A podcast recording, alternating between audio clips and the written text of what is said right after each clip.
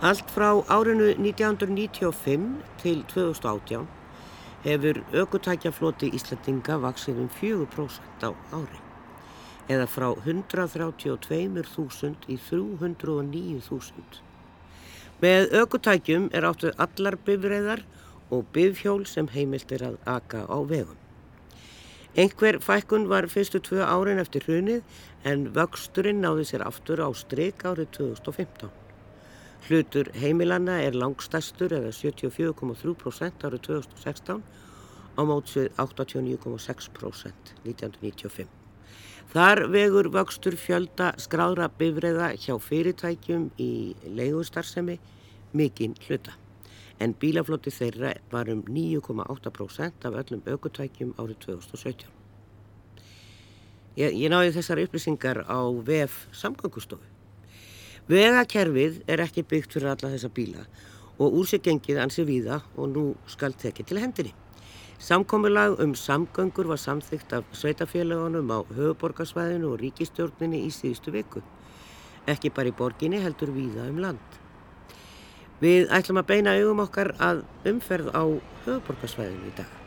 Það sem menn sitja dag eftir dag í umferðarteppu, einn nánast í hverjum bíl Borgarlína var endalega samþygt með þessu samkómulagi og kemur vonandi til með að minka umferð með tíð og tíma. Til að ræða umferðina sitja hér í afstaleiti þósteinn R. Hermansson, sangangustjóri Reykjavíkur og Þóran Hjaltarsson, verkfræðingur. Fyrst heimsækjum við tvo umferðaþunga stað í borginni í fylgd Óláfa Kristjánsdóttur, samgöngu verkfræðings frá Mannviti og Hrapkalli á Proppi, skipilagsfræðings og eh, við byrjum í bústæðabrekkunni. Já, það er komið að því að tala eins um umferðina í skipulagi. Við hefum verið að hugsa mikið um byggingar en það vandamál sem að fólk tala líklega mest um hérna á höfuborgarsvæðinu þess að dagana er umferðin og umferðan hnútar. Fæstur eru tilbúin að breyta sínum vennjum og við sjáum það, það er einni hverju með einasta bíl næstu því sem er í umferðin sérstaklega eftirmiddaginn og eins er þetta á mótnana, það er erfitt að komast í vinnuna. Fólk er, talar um alveg einna, halvan og tvo tíma að komast upp í Hafnafjörð og inn í Garðabæ og upp í Moselsbæ og þessar byggðir hérna í kring og náttúrulega bara efri byggðir Reykjavíkur. Eh, Ólaf Kristjánsdóttir er eh, umferðarverkfræðingur og vinnur hjá Mannviti og hefur verið með í starfsópum sem er að hugsa um þessa nýju samgöngu áallun og borgarlínu og allt það sem er nú búið að samþykja og á að reyna svona að fara að stýra búið áramótu líklega, þetta þarf jú að fara fyrir þingið fyrst. En hvað, við viljum leysa þetta og það vilja allir og það er kannski spurningum líka að einstaklingar leggja eitthvað á sig, við ræðum kannski aðeins um það líka og kannski spyrji í götunni sinni hvað eru margir að fara í miðbæ? Og spurning hvort að fólk getur ekki deilt bíl í kannski trísar í viku Það er allavega leið og það er gert á öðrum stöðum. En hluta því að bú í borg er að vera í umferð og, og þannig að fólk verður líka að sætta sig við einhver vandræði inn á milli. Við erum búin að koma okkur fyrir hérna hotin á bústæðavegi og skóalíð eða flugvallavegur hérna heitir þetta og, og svo hérna bústæðabrekkan. Þetta er erfitt hot, þetta er hérna fyrir ofanvalsheimi leið og hér er eh, landsbjörg til húsa horfum hérna á, á Hotel Natura, gamlega Hotel Loftleðir og hér er háskólu fyrir innan. Það er alveg ótrúlega margir bíla þar og alveg reysastótt bílastæði. Og uh, það eru stúdendar og kennarar við HR sem er að lendi í vandræðin hérna í eftirmiddaginn sérstaklega sem er að koma þarna út. Og maður hugsa stundum okkur í ósköpunum var þessi háskóli settur þarna bara með eitt veg, það er nú búið að bæta aðeins úr því. Það er alltaf gaman að fá að tala um samgöngumál Við erum staðstöndum hérna núna akkurat á þessum punkti sem eru stóru vinnustæðir. Það er Háris og nefnir og svo líka Landsbítalinn og Háskóli Íslands nálagt líka og mikið að gerast. Það þarf virkilega að hugsa samgöngur og skipulag í sam samhengi, sérstaklega á svona stöðum.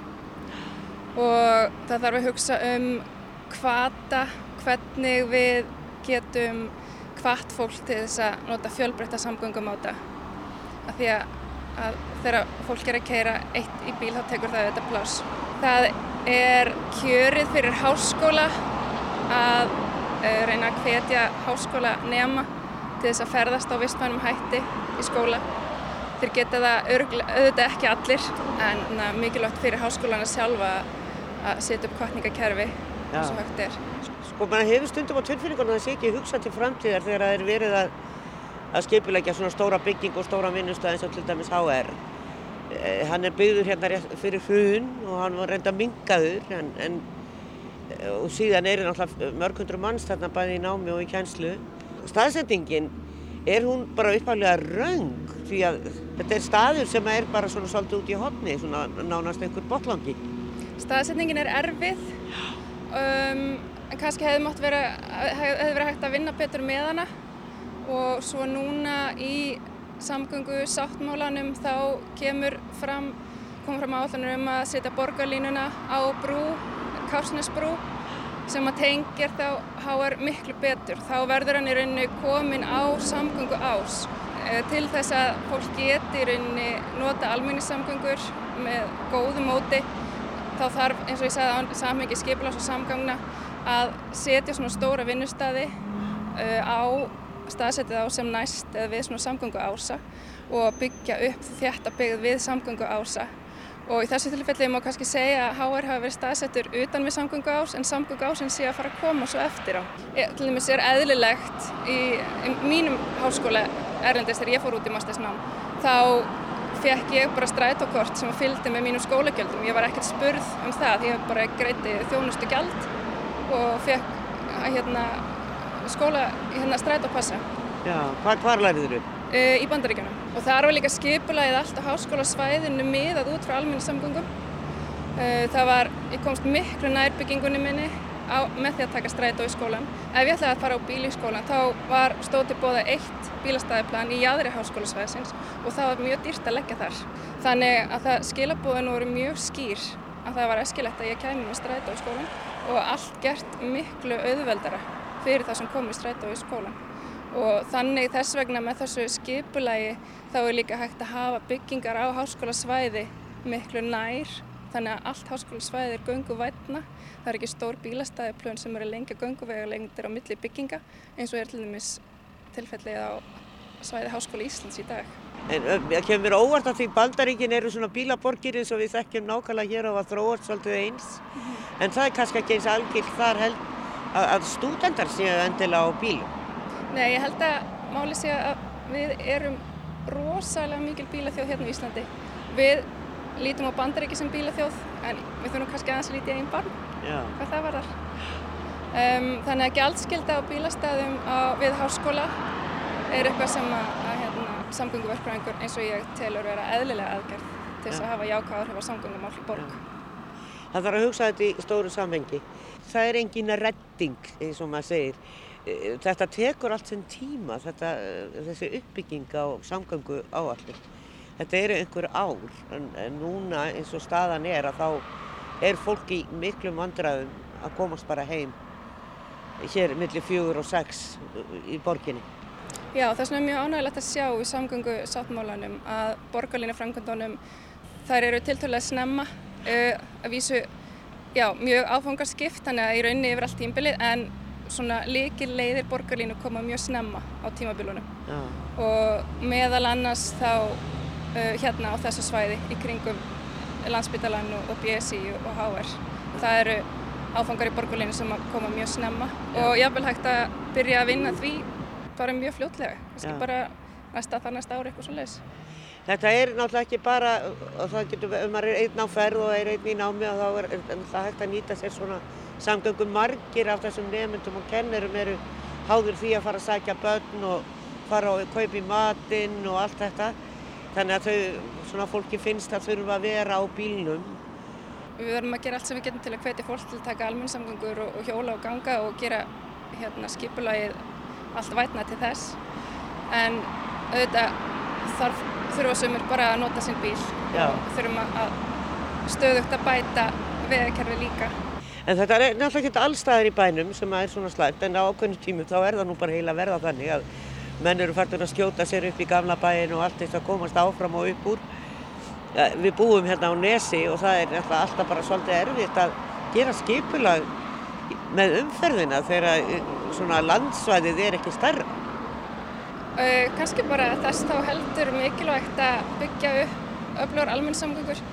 Við erum með þessa sterku umferðar ása sem er mikil umferð á eins og Miklabröðin og upp Áltúnsbrekku og svo Hafnarferðavegin og, og fyrir svona ása þar sem er margt fólk að fara í sömu átt á sama tíma dags þá eru massaflutningar almenni samgangna algjör líkil laust. Sjáum þegar það er einsla allstaðar eldis frá líka. Sko hönnun, gatna og stofbreyta líka fer auðvitað bara eftir því umhverju sem við erum hverju sinni. Um, að því þú nefnir hérna sérstaklega hringbröðina þá eru við komin mjög inn í þjættbíli, inn í þjættaborg það sem er mjög mikilvægt að gangandi vegfændur og hjólandi séu í forgangi af mínu mati.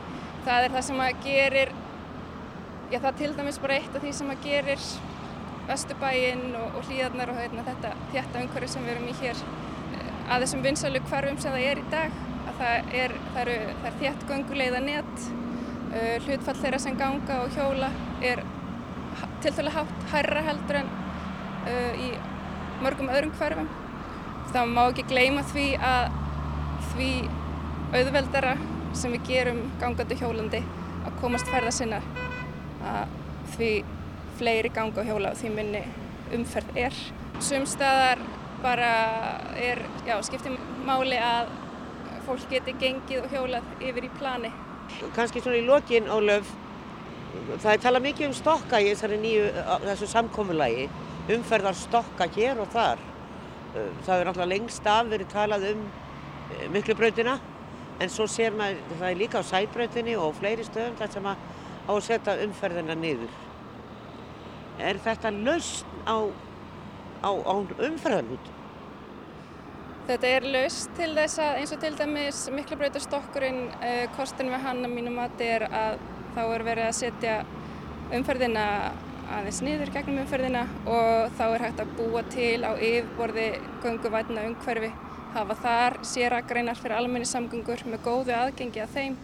Þannig að þetta er liður í, í þessu að gera umhverfi gungu hjólavætna og vætna fyrir almenni samgöngur og í því er í sjálfu sér búin til kvati fyrir fólk til að nota vistandi ferðamóta. Mjög jákvæmt að mínum mati. Þannig að kannski svona við lokum þessu hér að því við erum að tala alltaf mikið um HR og spítalan. E, þú vilt meina til dæmis ef það væri mjög bara dýrt að leggja bílum sínum við HR og við spítalan þeir sem þar starfa og, og þurfa að sækja nám náttúrulega. Myndi það vera kvati til þess að minga umferð og fólk myndi frekar nota strætó? Uh, já, ég er að tala um það að við búum til kvata þannig að það gerum fólki auðveldara að nota strætó. Þeim, þeir sem að, að það geta, það geta það auðvitað aldrei allir. Það er líka hægt með bílastæða göld að hugsa þau þannig að hafa innbyggðan kvata í þeim fyrir fólk til að samanjast í bíla þannig að það sé þá ódýrt að leggja ef það eru tveir eða fleiri saman í bíl. En það er það er hérna útfæra, útfæra svona á ýmsa vegu. En það er líka bara gaman að koma því að í lokin að þetta svæði sem við erum á hérna, HR, Landsbítalinn, BSI, Kársnesbrúin, það í samgöngusáttmálanum er margt að fara að gerast á þessu svæði sem að ég trú að muni litka fyrir umferð og bæta umferðina hvað varðar bara sjálfbarni. sagði Ólöf Kristjánsdóttir verkfræðingur. En hér sitjaði Þásteinn R. Hermansson, sangangustjóri í Reykjavíkur og Þóran Hjaldarsson, verkfræðingur. Velkonir báðu tveir. Takk fyrir. E, Þásteinn, er þú sáttur við þessa, þetta samkómulag? Já, miklu leiti er ég sáttur við það. Uh, við hefum kannski, ef maður á bara segja, ég hef bara viljað sjá þetta gerast fyrr í raun og veru fyrir, fyrir kannski áratuga eða svo, en, en þetta tekur allt sín tíma og ég held að sé að það er margt gott í því og það er margt sem á eftir að útfæra betur og svo framvegis en, en það er allavega komið samkómulag og það er framtíða sín og það auðveldar okkur sem störfum í þessum gera mjög mikið að, að geta einhend okkur í þau verkefni. Já, skil það Þóraðin, Hvað segir þú? Er þú hún að skoða þetta? Ger ég ráð fyrir? Já, ég er eh, sammálað þóstinni. Svona ég er eh, sáttur við þetta í meginatröðum. Ég vilja sjá aðeins breyttar áherslur sem við komum kannski nánar inn á hérna á eftir. Nú, eh, en svona öðru leiti og mér finnst mjög mikilvægt að þarna við náðust sátt annars við að milli sveitafélagana hérna á sveðinu og hins vegar ríkisins eða samgöngur á það nettis. Já, einmitt. En það er, við tölum alltaf mikið og það er búið að tala um þetta við, hvað er, tvö árið ekki, borgarlunna til dæmis e, og það er gott að blessa það en, en, en hvað getur við gert í þessum vandraðum núna? Það er svolítið í að þetta komist í gagni og þá eftir að byggja og eh, gera hundegöng og allt fyrir bíla og við sittum hérna í næstu 2-3 árin först í bílnum. Er eitthvað að gera?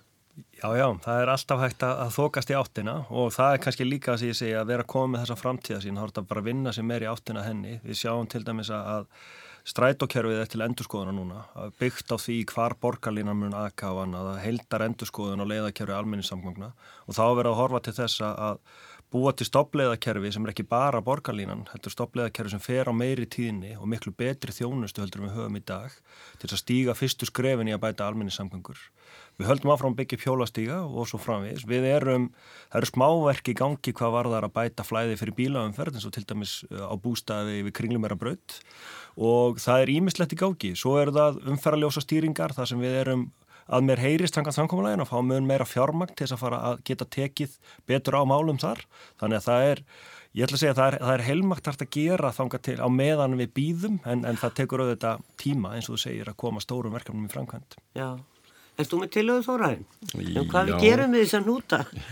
Já, ég held að það sem að skilar mestum árangri á tiltölaðstuttum tíma það er snjallvæðing umferðljósuna og það skils mér að sé hægt að klára á þremur árum. Og fá svonast ellenda sérfræðinga inn í dæmið og fyrir þetta þennan miklu meiri pening sem er inn í dæmið eins og þósteit segir. Og uh, þetta er nú flestir sammála um svona almennt í borgum ellendis að, uh, að uh, snjallvæðing umferðaljósa og reyndar aðrið þætti til að ódýrir til að leysa eða sem eiga þátt í að geta leist umferðnúta og svo er líka að stýra eftirspunn eftir umferð traffic management demand. Þá komum við kannski eins og að staðsetningu háskóla og spítala að það er margt þetta að gera í skipurlegi Já. og þá erum við náttúrulega að horfa til lengri tíma til að hafa áhrif á að minga umferð. Já, kannski áður en ég, það er nú leikur spurninga það hjá mér en, en e, snjallvæðing á, á ljósum, hvað getur þú útskýrt það annarkor ekkert, hvað hva, hva þýðir það? Já, ég skal, ég skal byrja. Hérna, uh, það má kannski segja að, að snjallfæðing umferðarljósi Reykjavík hafi byrjað 2007 þegar farið í útbóð og þá er bóðin út sem sagt miðlag stýring umferðarljósa og þá er, kemur inn stýritölva sem er tengt við fjölmörg gatnamóti í einu uh, sem að velur það stýriprógram sem að umferðin kallar eftir hverju sinni. Það eru settið skinjar að niður í göturnar við gatnamótin og tölvan sér þá um að skipta á milli prógram að skipta græn og rauðatímanum á milli umferðaströyma eftir þörfum. Uh, þetta verkefni fór að stað þá gekk kannski hægar heldur en flestir höfðu viljað, menn höfðu viljað sjá miklu hraðari innleiðingu á þessu kerfi uh, en það var svolítið fjársvelt bara eftir hrun. Uh, við höfum svolítið núna upp á síðkastið náða að bæta meira í og fengið aðeins meira fjármagn en við fögnuðum mjög að fá meira fjármagn í frekari skinnjara, frekari stýringar, meiri sagt frekar í rauntímastýringar og annað og við erum nú þegar komið fjármagn í að fara að setja upp svo kallar motionstýringar á höfðabakka og ringbröð á næst ári sem á þá að velja og, og besta stýriprógram fyrir, fyrir nokkur gatnamót í einu semst á 15 minútna fresti allt háð umferðathunga á staðnum. Þannig að þá fjölgum við skinnjörunum, við fjölgum í raun og veru bætum tölvukerfi, bætum allan búnað en við þurfum leið að hafa þá betri rekstur og sérfræðing á bakvið að sjá til þess að þetta virki allt. Já. Það er kannski þannig í þessu að, að sko því betri og flóknari búnaður því meiri mannskap þarf eiginlega til að passa hans í örgli í lægi sko. Það er mjög, já, En, en snjallvæðingin er í stuttumála þetta að nýta þessa nýjustu tækni til þess að reyna að, að liðka umferðarflæðin sem mest og, og í raun og veru og það er eins og Þóran segir, það getur verið mjög arðbæra fjárfestingar, það kostar kannski ekkit mikið að bæta við búnaði en það getur skilað heilmiklum spartnaði umferðartöfum, sérstaklega utan annatíma þegar að kannski 70% umferðarinn er á ferðinni og það er, það er ekki mikil eftirspurn eftir hliðagötum og annað, þá er verið að minga verulega tafir utan annatíma á annatímum er mörgum stöðum kannski svolítið uppselt í kerfið þannig að það er erfitt að breyta mhm. miklu með snjallvæðingunni þar en það er þó einhver árangur sem ætti að nást allstaðar. Ég skil. En að því þú náttúrulega talaður um og það sem ég talaði svo sem við um Ólafur, það er svona hvar við erum að skeipulegja, við erum náttúrulega búin að vera að þjætta byggðina, það er nú aðalega íbúðarhús en við byggjum hérna stóra spítala og erum náttúrulega með háskólasvæði sem er náttúrulega orðin bráðum 100 ára og svo byggjum við annan háskóla á, á svipum stað og, og í þrengsta, á þrengsta byggingasvæði borgarinnar. E, þetta er náttúrulega, sko, þetta er ekki að hugsa til framtíðar einhvern veginn finnst manni. Ekki svona í ljósi umferðar og, og fjölda fólk sem er að fara á milli. Þannig ég eins og margir aðri sko hefur frekka vilja sjá uh, nýja landsbítala rýsa annarkvort í Ártónsöðu, Kjellnaholti eða Vívilstöðu og eins með háskólinni Reykjavík að um, sko ekki sísta því að háskóli Íslands er fyrir þarna út, út af þessu nesi þá hefði ég vilja sjá háskólinni Reykjavík som meira miðsvæðis kannski ármúla skeifunni eh, eða ártónsholti eða einhver staðar svona nær eh, þingdapunkti höfuborgarsvæðisins. Mm, nákvæmlega. En ég ætla ekki alveg að sleppa ykkur með ljósin því að ég hef ofta eh, sko einmitt þessar ljósastýringar en svo er bara fjöldi ljósa bara svona dæmi eh, vestur í bæ. Það eru ljós á framleysvegi. Það eru ljós við meistarafelli, Bræðaraborgastíð, Hásallagötu, Furumel, Birkimel og Háskólan. Uh, ég held að þrenn, fern af þessu ljós sem eru gönguljós. Mm -hmm þegar ég og býð niður við kringlumirabraut þarf að fara yfir kringlumirabrautina þá væri ég annarkort að fara við hotni á miklubraut eða niður við háhilsbraut ég þarf að ganga svolítið spotta mm -hmm. til að komast yfir göttunarrindar umferða þingri gata mm -hmm. en það eru hnútar hann við Birkivelin heyri ég á mhm. strætisvagnabílstjórum og manni finnst stundum þarna við sko fyrumelur Birkimelur það er einn blokk mm -hmm. er þetta ekki of mörg gunguljós og svo er bara einhver einn að fara yfir Þetta er alltaf spurningin sko, ha, það, er heila, það er svarið við öllum spurningu til samgönguverkvæðinga er það it depends já, já, já. Við erum alltaf með elli heimilega en, en, en við erum á þessum svæði sko, Vesturbærin er eitt, gamlega Vesturbærin er þéttasta körfi borgarinnar. Og í raun og veru eru þessi gangbröðaljós, þeim hefur verið að fjölka í kjölfar slísa að það er að segja fólk er ekki tilbúið að lappa lengra og fara, sagt, leggja á sig lengri gunguli, það fer bara yfir það sem það er mm. og það hef, við hefum bara verið svolítið í gegnum tíðin að vera að mæta þeirri eftirspurt. Síðustu ljósin sem kom upp við meistaravelli eru í kjölfar alvarleg slis, það sem ekki var á gangandi og þannig að, að þetta eru bara mikill fjöldi, þetta er ekki bara einn og einn og þetta er allan daginn verið að sækja frístundastarf og skóla þverta yfir ringbröðina þannig að, að þetta, ringbröð er bara mikil borgargata sem að kallar á þetta meðan að meðan að, að svo er. Við, höfum ekki aðra leiðir og kannski umræðan hefur stundum verið með þetta að það er bara að taka þessi gangbröðaljós og setja bara gangubrú eða undirgöng en þetta eru sjö staðir sko, sem þurftu þá samin í einn eða tvo og það eru eins og sé, það eru kostur og gallar allt. Ja. Þá þurfum allir að fara að lappa lengri leið, það, það er heftandi, þá myndast það sem kallar á ennsku svona barriéreffekt eða hindrunar áhrif. Þú hættir bara að sækja þjónustu eða, eða vinskap eða annað yfir göttuna, þannig að Skipulag og, og samgöngur eru sýstur eins og stundum er sagt og, og þannig er bara skipulag byggð með þessum hætti fyrir löngu síðan og við verðum svo bara að mæta því með samgöngulausnum ja. sem eru í þessu tilfelli mörg ljós og mörg gangbreytaljós. Eh, kannski aðeins svona kemur kannski menningu okkar við. Ég var í London síðastliði vor og eða sumar og, og þar sá ég að það voru svona ljósa kúplar, bara hvít ljós á staur sem blikkuði stöðugt og við gangbreyt og það var bara segin saga um að koma þessari gangbröð og við þessar kúpla sem voru út um allaborg og ég, London er nú stór og þetta var út í útkverfum og allstaðar og þau bara blikkast auðvitað og ef það stendur eitthvað svona þá stoppar umferðin og hleypið þér yfir en þarf ekki að vera svona takki þar sem þú kveikir og og, og, og kannski ekki gott fyrir, fyrir blinda en, en, en ég meina, jú, ok, þetta fólk bara stoppaði, ég tók ekki eftir neinum bíl sem fór yfir ef einhver beigð við gangbröndina. Mm. Þetta minnum við líka á það sem er algengt í bandarækjum, það sem eru sebarabröðir yfir umferðagötur, jafnvel þó nokkuð umferðamiklar, að uh, sko þegar ja, það er enda sko þú ítir á takka, það er ekki spurningum að fá grænt eða raut ljós heldur bara að þú veist þá að vekja aðtegli bílana á göttunni Já. að nú sé gangandi að fara yfir. Já. Af því þau eru refnilega sumstaðir þáttu langa eins og til að við svo miklu bröð við klambratún. Þá stoppar bara öllum umferðinu og það er mjög þungum umferð. Þar eru við í raun og veru að reyna að gæta fylsta öryggis að því að við höfum séð að svona lausnir með gangbröð sem er með blikkljósið öðru, það er kannski ef það er 1 pluss 1 akrin, 1 akrin hvora átt.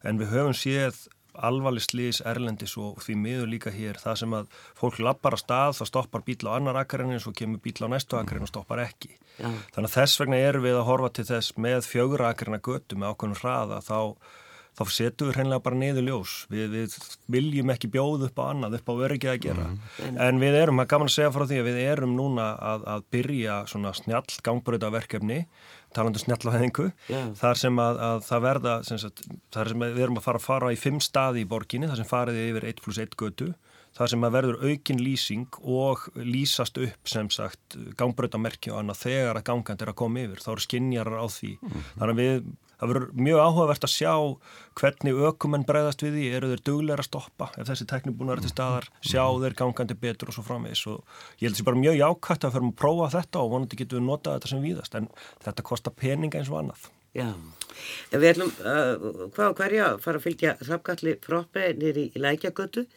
og ræðum síðan meira um þetta. En okkur skortir kannski aðeins kurteysi í umferðinni, við tölum tólt um þetta, við sjáum þetta og við finnum þetta við keirum útöndum við erum dónar mm, Já, ég held að svona miða, miða við sum nágrannalöndin en svona miða við kannski fjallegari ríki Asi og svona þá held ég að við séum mjög kurtis Já. En þetta er alltaf afstætt. Já, við erum, já, og líka kannski þetta er líka spurning um svona menningu í lögklíðinu öðru, maður hefur þessist hversu duglega eru við, það er alveg að koma raukt, hversu duglega eru við að stoppa. Í sögumum borgum eða menningarheimum þá stoppa allur um leiðuðu sjá að fara að koma raukt, öðrum er brunað yfir á nokkra sekundur á rauðu. Já. hér eru við eitthvað stað mitt á milli sko, þannig að, að það er alveg það, þetta er menning líka. Þetta er menning líka. Við þurfum aðeins að taka gráða mínum að við skulum fara með hrafkalli neyri lækakutu Ég er búin að veltaði mikið fyrir mér hvernig óskupunum borgarlínan á að komast hérna neyri í gamla bæin. Við erum stönd hérna í lækjagötunni fyrir framann nýbyggingar og hér eru strætóleiðir, búið að leggja þær sem eru skilistar strætó. Hér skapast umferðanhútar út á Sæbraud og fyrir framann hörpu. Það er doldið mörgljós og það kvarta margir yfir þessu að það sé þröngt og erfitt að komast vestur úr.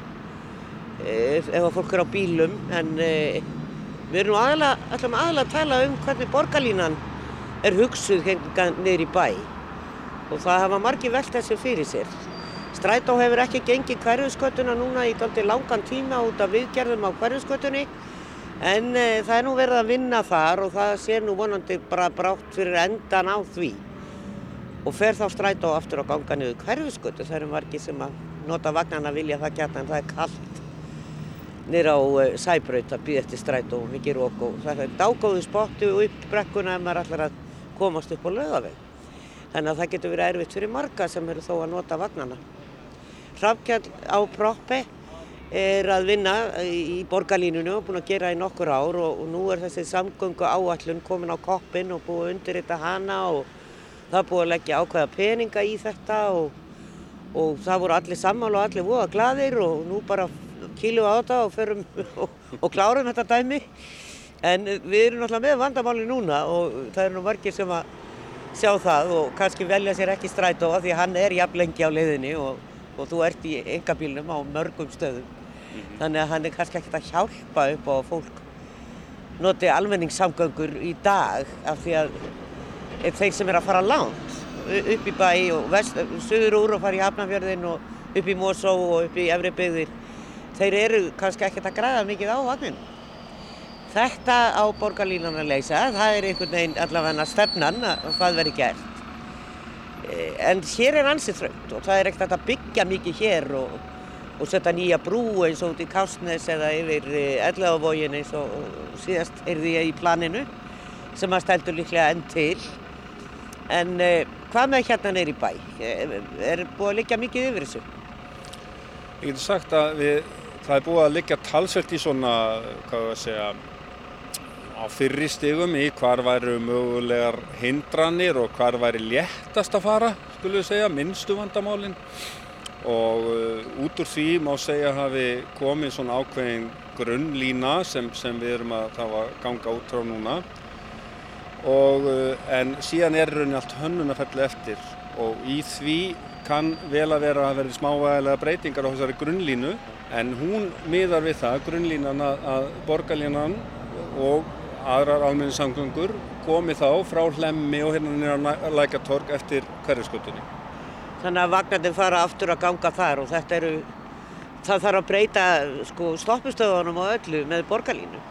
Jú, það þarf að byggja þær upp og, og, og hérna það eru þá stoppustöðar sem eiga þá að vera annars vegar með greiðslukerfi þar sem hún gengur frá þinni greiðslu áður um ferðin í vagnin og síðan að, að þú geti farið inn í vagnin hvar sem er. Þau eru ekki að eiga viðskipt í rauninu við vagstjóran. Þannig að alla skiptingar verða hraðari og, og það veitir sjálfsvegar ekkert að því að, því að uh, við gerum ráð fyrir og það er allt sem stýður þær áallanir að, að hérna að það verði heilmikið fjölgun farþega í almenningssangangum. Það hefur þegar orðið talsveit mikið fjölgun og, og, hérna, og, og allt sem bendir til þess að svo verði áfram. Eh, önnur umferð á hverfiskötu því að eh, þessi vagnar eru stórir og, og, og taka mikið plás og eru svona svolítið að renna bæði uppbyttir og niðrittir allan daginn. Mm -hmm. Hvað með aðra umferð? Já, við erum kannski ekkert að finna upp hjóli í því. Við, við erum að glýma bara við sambarleg vandamál varðandi umferð í, í svona þraungum, gömlum borgarhlutum eins og, eins og, eins og aðrar borgir margar í kringum okkur. Við munum geta svara því nákvæmlega svona þegar, þegar eh, er langt lið á hönnunarferðlið og, og, hvernig endalega útværsla verður en ég held að við verðum alltaf að gera ráð fyrir að það verða einhverja takmarkanir á, á, á umferð bíla niður hverjaskötunum. Nei því að nú er náttúrulega búið að ákveða líka í leiðinni að loka lögaveginum fyrir rakant umferð frá klappastíg mm -hmm. varanlega Þannig að það er orðinir fáir möguleikar að fara bara hérna úr miðbænum og austur átt. Jú, það er alveg rétt og, og aftur erum við í sjálfu sig bara kannski að fylgja í hugumátt eftir þróun sem við sjáum í borgum í kringum okkur. Þú þekkir nú vel til í köpen og, og, og menn gleima því stundum hvað það er ekkert svo íkja langt síðan uh, að, að strikið, það var að ekki eftir strikinu. Og síðan var því lokuð breytti göngugötu og síðan hafa hlýðagötur og aðra götur verið að fara í, í það form. Og við munum alveg örglega að sjá svipaða þróun hér í miðborg Reykjavíkur. Eh, við erum ekki bara með þröngt hérna, eldur líka er ansið þröngt í lækjagötunni bara alveg út með fram tjörninni og ég held að vilja nú enginn sjá að vera byggð einhver rísam umferðar mannvirki hér í gamla bænum. Nei, við, það voru samt þannig plön eins og, eins og hefum fjallað um í þínu þáttum um mikla hraðbröð um þetta hér í gegnum, gegnum Geirsgötu og yfir á Suðugötu og, og, og eftir runni Grettisgötu í mann rétt og í gegnum, gegnum Grótaþorpið. Þannig að við hefum vissanlega átt svona stór kallarleg plön um, um, um mannvirki sem kallar á mikið niður yf. Tíðarandan í dag býður ekki upp á það. Þannig að við þurfum að, að vinna í rauninni í því plássi sem, við, sem er, hérna getur við sagt, gödukassanum. Við þurfum að vinna í honum og það þýðir það einhverju leiti einhverja endur röðun og ákveðnum köplum. Það, það, öðruvísi verður þess ekki leist. Í þessari áallun er talað um að hraða þessum framkvæmdum. Eh, síðast er ég talað við eh, einn af þínum samstagsmönnum og þá var talaðum að, að fyrsti hluti borgarlínu frá Ártúni og uh, upp í Kópavóð í Hamra, Hamraborg og með miðbænum og, og háskólakverfinu og, og, og sem sagt á nýri brú yfir Kásnes og yfir á Kásnes að þetta ætti að vera tilbúið 2022. Erum við ennþá þar? Já, ég sjálf sér ekki mikil hröðun á, á akkurat þeim áfanga. Ég finnst svo líklega að ártali hafi verið 2023 því að það hefur svona verið það sem hóttur hefur verið til núna allavega síðasta árið eða svo. En það sem er nú kannski, ef við horfum á borgarlinu sérstaklega og hvernig, hvernig hröðun þeirra framkvæmda, þá er það sumir af þeim áfengum sem koma á eftir sem er þá verið að hraða í tíma miða við það sem svona áður var búið að leggja upp það þarf náttúrulega bara ákveðin ferli að fara á stað. Eh, nú erum við að fara að vinna frumdrög, þar sem við, við getum sagt að það séu svona konseptskissur og allri leiðinni og ímsa greiningar. Síðan þarf að koma alvöru sko, fórhönnum og, og, og verkhönnun og allt tekur þetta bara, þarf að fá svolítið andrými og tíma og sama tíma erum við að gangi gegnum að breyta deiliskypularsátunum, gera umhverfismat og við, við þurfum alltaf ákveðin tíma í, í það ferli sem er í fyrstu framkvæmdinar þannig að þeim er sjálfur sér ekki flýtt en það er meira svona það sem kemur í framhaldinu. Það eru umferðarteppur á leðin upp í Mósó og upp í, í Gravarholt og Gravarvóg og í Hafnafjörð og, og fólk talar alveg upp um tvo tíma að komast bara hreinlega heim til sín eða í vinnuna á mótnana og e, svo er þetta náttúrulega spurning um hugafarsbreytingu að ykkur leiti að fólk virkilega taki sig á og reyni að vera saman.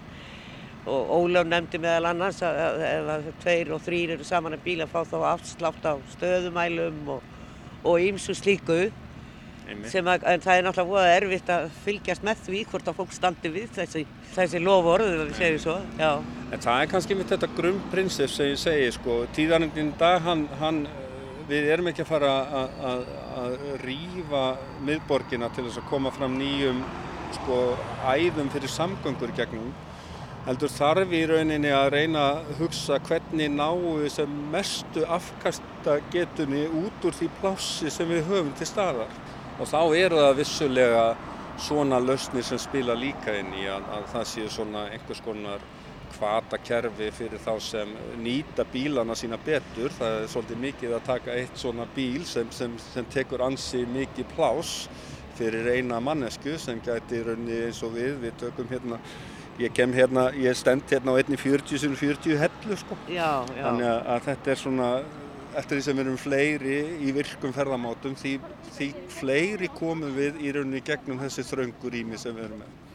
Það er talað um heilmarga stokka í þessari áallum, hingað og þangað og meðal annars, það er náttúrulega búið að að tala um miklu bröndin í stokk yfir í hvað, í 15-20 ár e, og aldrei einhvern veginn farið í þá hönnun. E, ég hugsa að sé líka margir sem hugsa að hvernig óskopunum alltaf er að gera þetta. Við erum búin að vera með hverfiskötuna lokaði hér í nokkra mánuði sem er ekki stórframkvæmt en e, við erum umferða þingstu göturna, kringlumirabraut, mhm. miklubraut. E, þetta hlýtur að stöðva alla umferð þar. Hvernig leysast svona mál? Jú, auðvitað verður röskun á umferð á meðan framkvæmdum stendur og það er svo sem bara óhjákæmilegu fylgifiskur framkvæmda og, og það sem, gullrótin fyrir okkur íbúana og þá sem ferðast sér um er að, að, að, að það verður þá léttar að komast á millið að framkvæmdum loknum.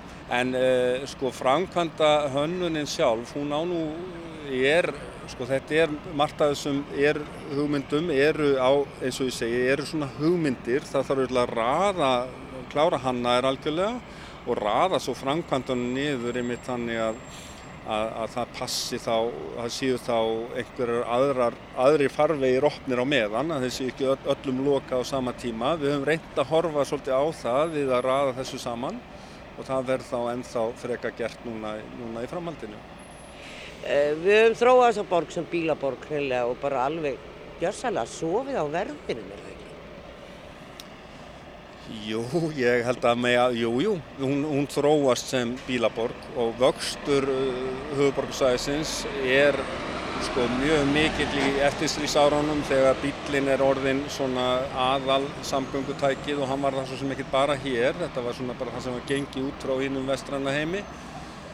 Annar stað snýrum enn miklu fyrr af þessu því að eh, fólk sá í rauninni bara þetta dæmi gati ekki gengið upp að það yrði í rauninni að íta undir og byggja upp góðar almenni samgöngur ef þetta ætti, ef góð borg á að geta fungera. Já.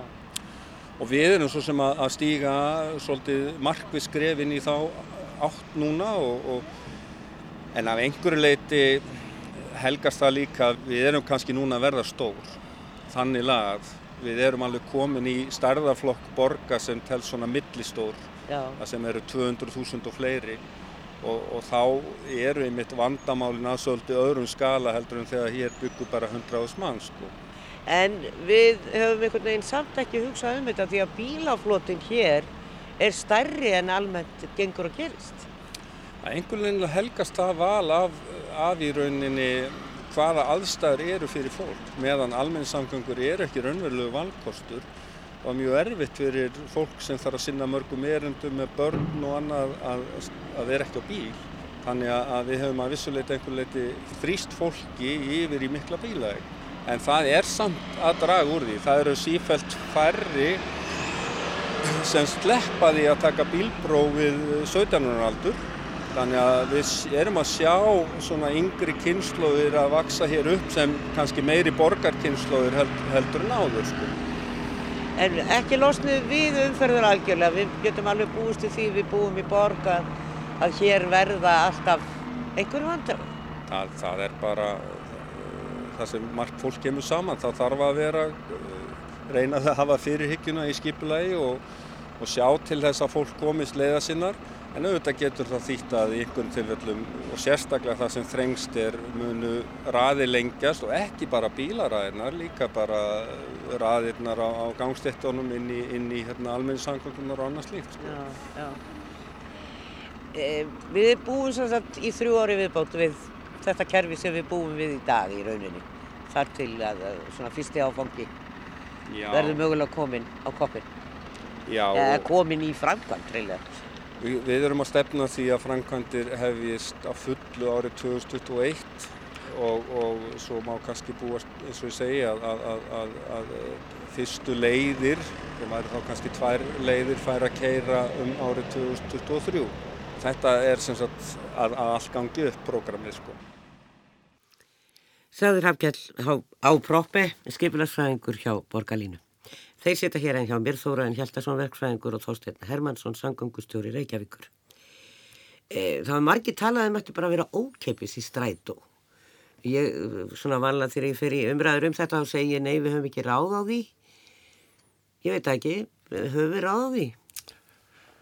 Já, það er náttúrulega pólitísk ákvörðun sko hvað að setja mikið í rekstur strætó. Þetta verður reynd á nokkrum stöðum í heiminum og það virðist ekki breyta miklu um að draga úr bílaumferð.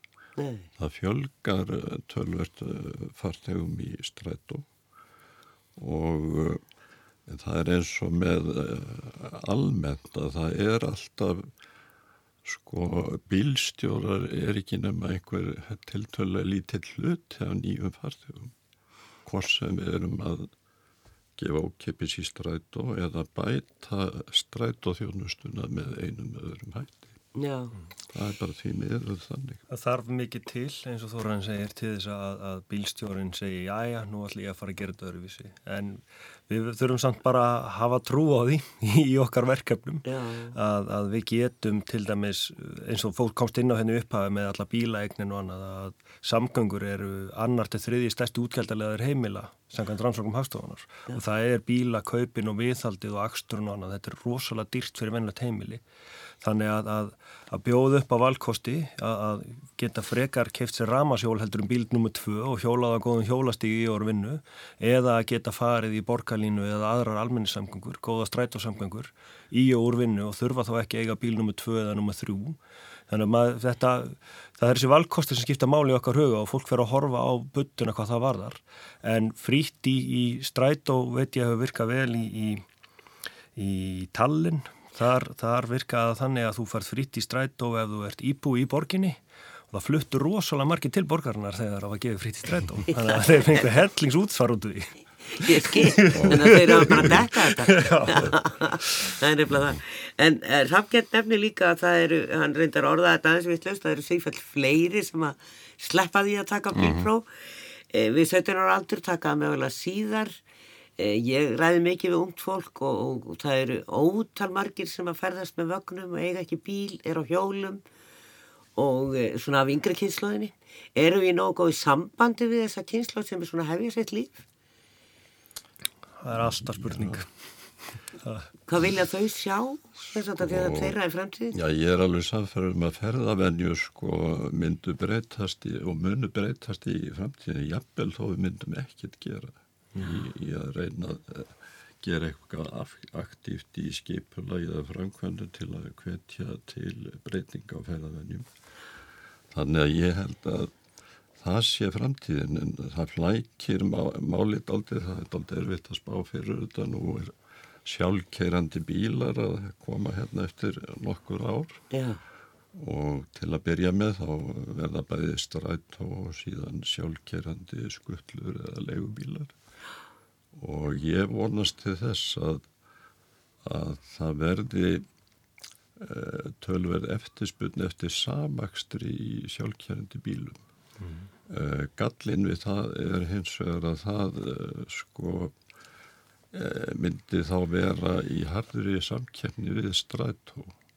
Já. Ég held að þetta sé bara raunveruleiki sem að mun koma og þurfum bara að taka tillit til þessi áallunum og hlut að þeim sem myndu velja til það samakstur á leið í úrvindu.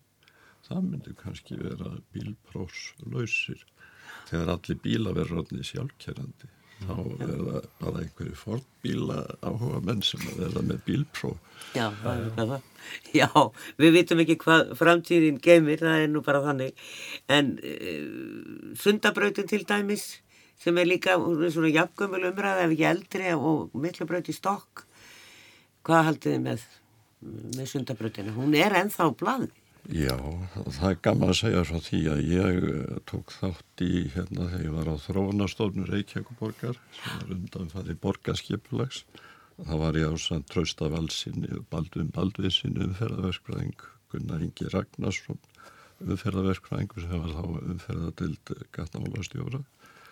Við settust niður og vorum að teikna línur á blad og þá var útkoman sundabraut nokkur veginn í þeir legu sem hefur rætt um uh, núna í gegnum áratvíina og þetta var árið 75 eða 6 Já. það var uh, lögfram tillaga þá að aðalskipla í Reykjavíkur með sundabraut. Tillaga var aldrei staðfest Þannig að það var ekki fyrir 80 eitthvað sem að sundabraut kemur inn í staðfest skipula. 84, 84. Það er nefnilega það. Við sjáum hvað setjum með hana.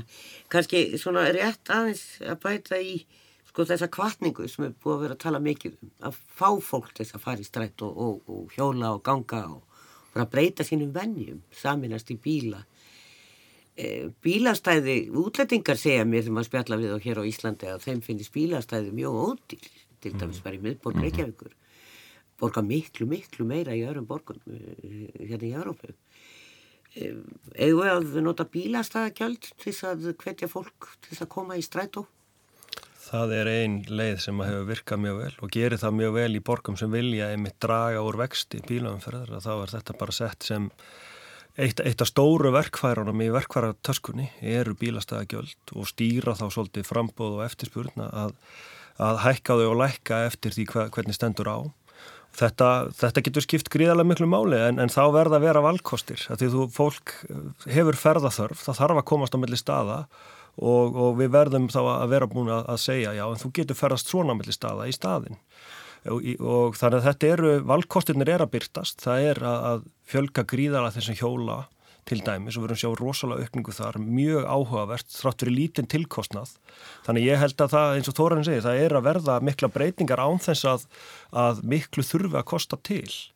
Og maður er svona vonast til að, að í raun og veru samgöngur þróist svolítið þannig og þetta er kannski útópísta að að, að þú hættir að hugsa um farartækið endilega, þú þarf bara að komast á milli A og B og þú þarf bara hvaða samgöngu þjónustur er í bóði get ég leikt mér hjól eða farið á eigin hjóli, get ég uh, saminast með öðrum í bíl, get ég farið í, í sjálfkerandi bíl, get ég farið með almenningssamgöngum? Að, við festumst ekki, við erum svolítið vanaföst í menningunni. Að, við, að, að yngri kynnslóðin vona ég sé að taka þetta meira á opnum örmum og segja ég þarf ekki endilega að vera þræll farartækisins míns. Ég get í raun og veru bara valið hverju sinni, bara hvaða farartæki henda fyrir hverja ferð og ég er áskrifandi að samgöngum en ég á ekki endilega mörg faratæki sjálfur. Mm -hmm. Þetta væri æðislegt. Þetta væri út á pýsturíki. Já, þóraðin. Já, var þetta bílastæðagjöldin að sko menn er og þá kannski útlendingar sem að hafa ferðast eh, til eh, stórborga hérna Európa og bandaríkjónum sko það er náttúrulega eftir sem að borgi stækka þá verða bílastæðagjöldin dýrari og það er bara því miðborgum verða loðaverð og, og þar með e, byggingakostnaður á bílastahúsum alltaf dýra og dýra eitthvað þarf að standa undir því þannig að það kemur nokkur neina sjálfur sér. Síðan er líka í miljónaborgunu þá er eðli málsins sangkvæmt sko almenni sangungur miklu betri heldur en borgarsvæði með 200-300 stíp og hefur bara efna á að bjóða upp á Þannig að það er svona, hvað ég að segja, pólitist er það þá uh, auðveldara að vera með herri bílastæði gjöld í miðborgum en, svo maður tala nú aftur um sjálfkjörandi bíla, þeir þurfu ekki mikið að bílastæðum. Nei, þeir eru alltaf á ferðin. Þannig að þó þú hekkir bílastæðagjöld, já þeir eh, hafa kannski bækistu eða þeir fá ekki sko, ný, nýtt kall fljótlega eftir að hún er að skila kunnum og eitthvað stað þá faraði bara á eitthvað ódýran stað á svæðinu sem er þá vonandi ekki langt í börtu. Nákvæmlega. Við komumst ekki lengra því miður. Það er margt eftir í umræðinu meðgjöld, ég ætla að fóra ekkert inn í það í dag en ég þakka ykkur þórarinn Hjaldarsson og Þorstein Hermansson fyrir komuna. Takk fyrir Takk sem leiðis.